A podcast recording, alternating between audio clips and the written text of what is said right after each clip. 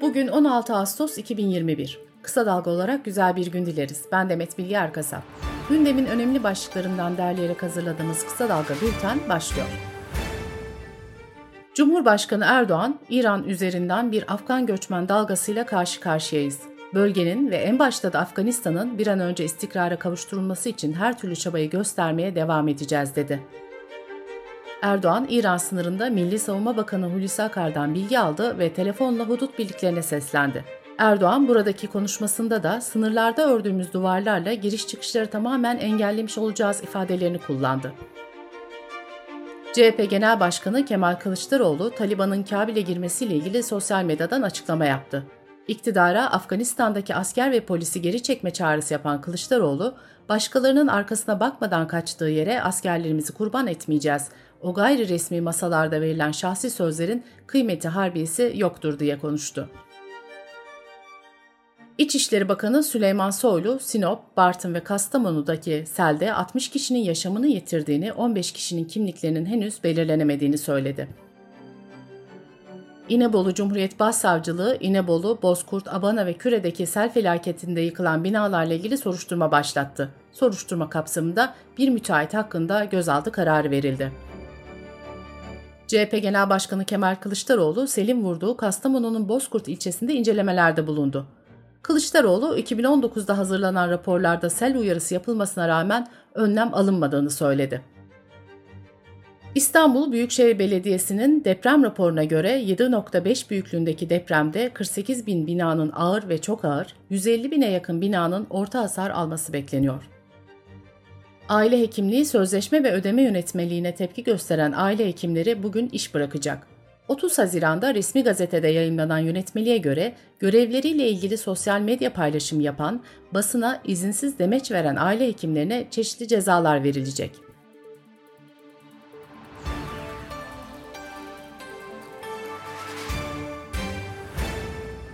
Dünya genelinde en fazla can kaybına neden olan bulaşıcı hastalıkların başında gelen verem, Türkiye'de de ciddi sayıda ölüme yol açıyor. Sağlık Bakanlığı'nın verilerine göre 1 Ocak 2020-26 Mayıs 2021 tarihleri arasında 13.458 kişiye verem tanısı konuldu. Bültenimize COVID-19 haberleriyle devam ediyoruz. Milli Eğitim Bakanlığı yüz yüze eğitim için okullara hazır olun talimatı gönderdi. Yüksek Öğretim Kurulu da yüz yüze eğitim için çalışmaların sürdüğünü açıkladı. İstanbul Valisi Ali Yerlikaya, kentte 65 yaş üstü yurttaşların aşılanma oranının %90 olduğunu söyledi. Yerlikaya, mavi kategori için 587.779 hemşerimiz kaldı dedi. Kayseri İl Sağlık Müdürlüğü Kamu Hastaneleri Hizmetleri Başkanı uzman doktor Halit Baykan, yoğun bakımda yatan COVID-19 hastalarının %89'unun aşı yaptırmayanlar olduğuna dikkat çekti. Baykan, aşısız bireylerin %87'si bu hastalığa yenik düşüyor dedi. Delta varyantının etkili olduğu İran'da pandemi nedeniyle ülke çapında 6 günlük tam kapanma kararı alındı. Rusya'da da son 24 saatte 819 kişi koronadan hayatını kaybetti. Sırada ekonomi haberleri var.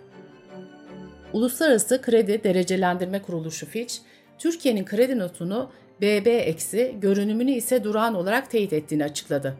Kurum, Türkiye için 2021 büyüme tahminini %6.3'ten %7.9'a yükseltti. Dünyanın en büyük buğday üreticileri olan Rusya ve Kanada'da kuraklık, buğday rekoltesinin düşmesine sebep oldu. İthalata bağımlı ülkelerin zor durumda kalacağı ve gıda enflasyonunun daha da artacağı tahmin ediliyor. Tahminlere göre küresel hububat rezervleri 5 yılın en düşük seviyesine gerileyebilir. Ticaret Bakanlığı koordinasyonunda 9 ayrı kuruluş tarafından geçen yıl 187.127 parti ürün denetlendi. Bu ürünlerden 10.480'inin uygunsuz, 1335'inin ise güvensiz olduğu tespit edildi. Akdeniz İhracatçı Birlikleri verilerine göre yaş meyve sebze ihracatı Ocak-Temmuz döneminde geçen yıla göre %20 artarak 1 milyar 638 milyon dolar oldu. İhracatın %32'si Rusya'ya yapıldı. Dış politika ve dünyadan gelişmelerle devam ediyoruz. Afganistan İçişleri Bakanlığı Taliban'ın her yönden başkent Kabil'e girmeye başladığını açıkladı. Kabil'de yaşayanlar araçlarıyla şehri terk etmeye başladı.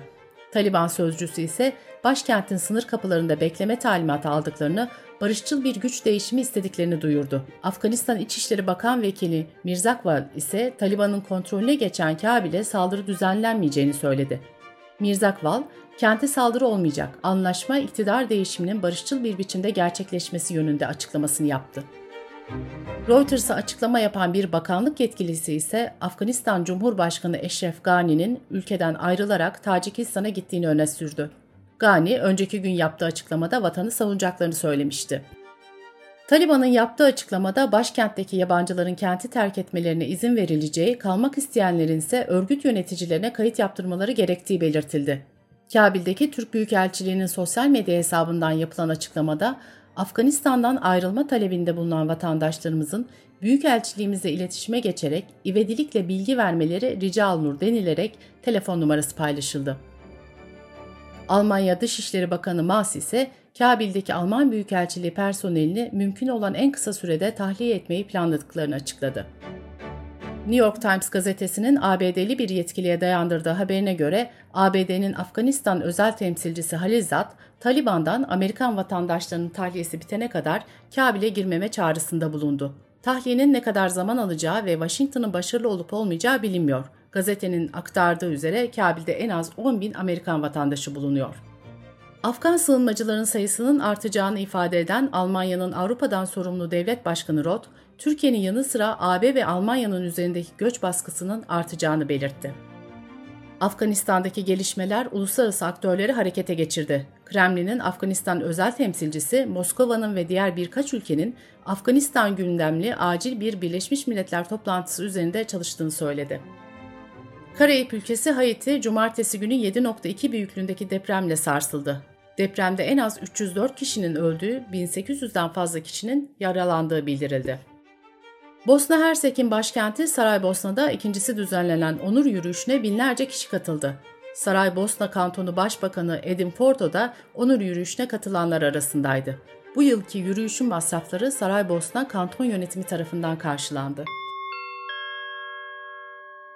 Bültenimizi kısa dalgadan bir öneriyle bitiriyoruz. Gazeteci Mehveş Evin arka planda doçent doktor Cihan Erdönmez'le orman yangınları ile ilgili yanlış bilinenleri, yapılması gerekenleri konuştu.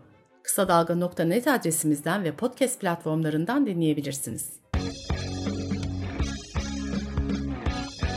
Gözünüz kulağınız bizde olsun. Kısa Dalga Medya.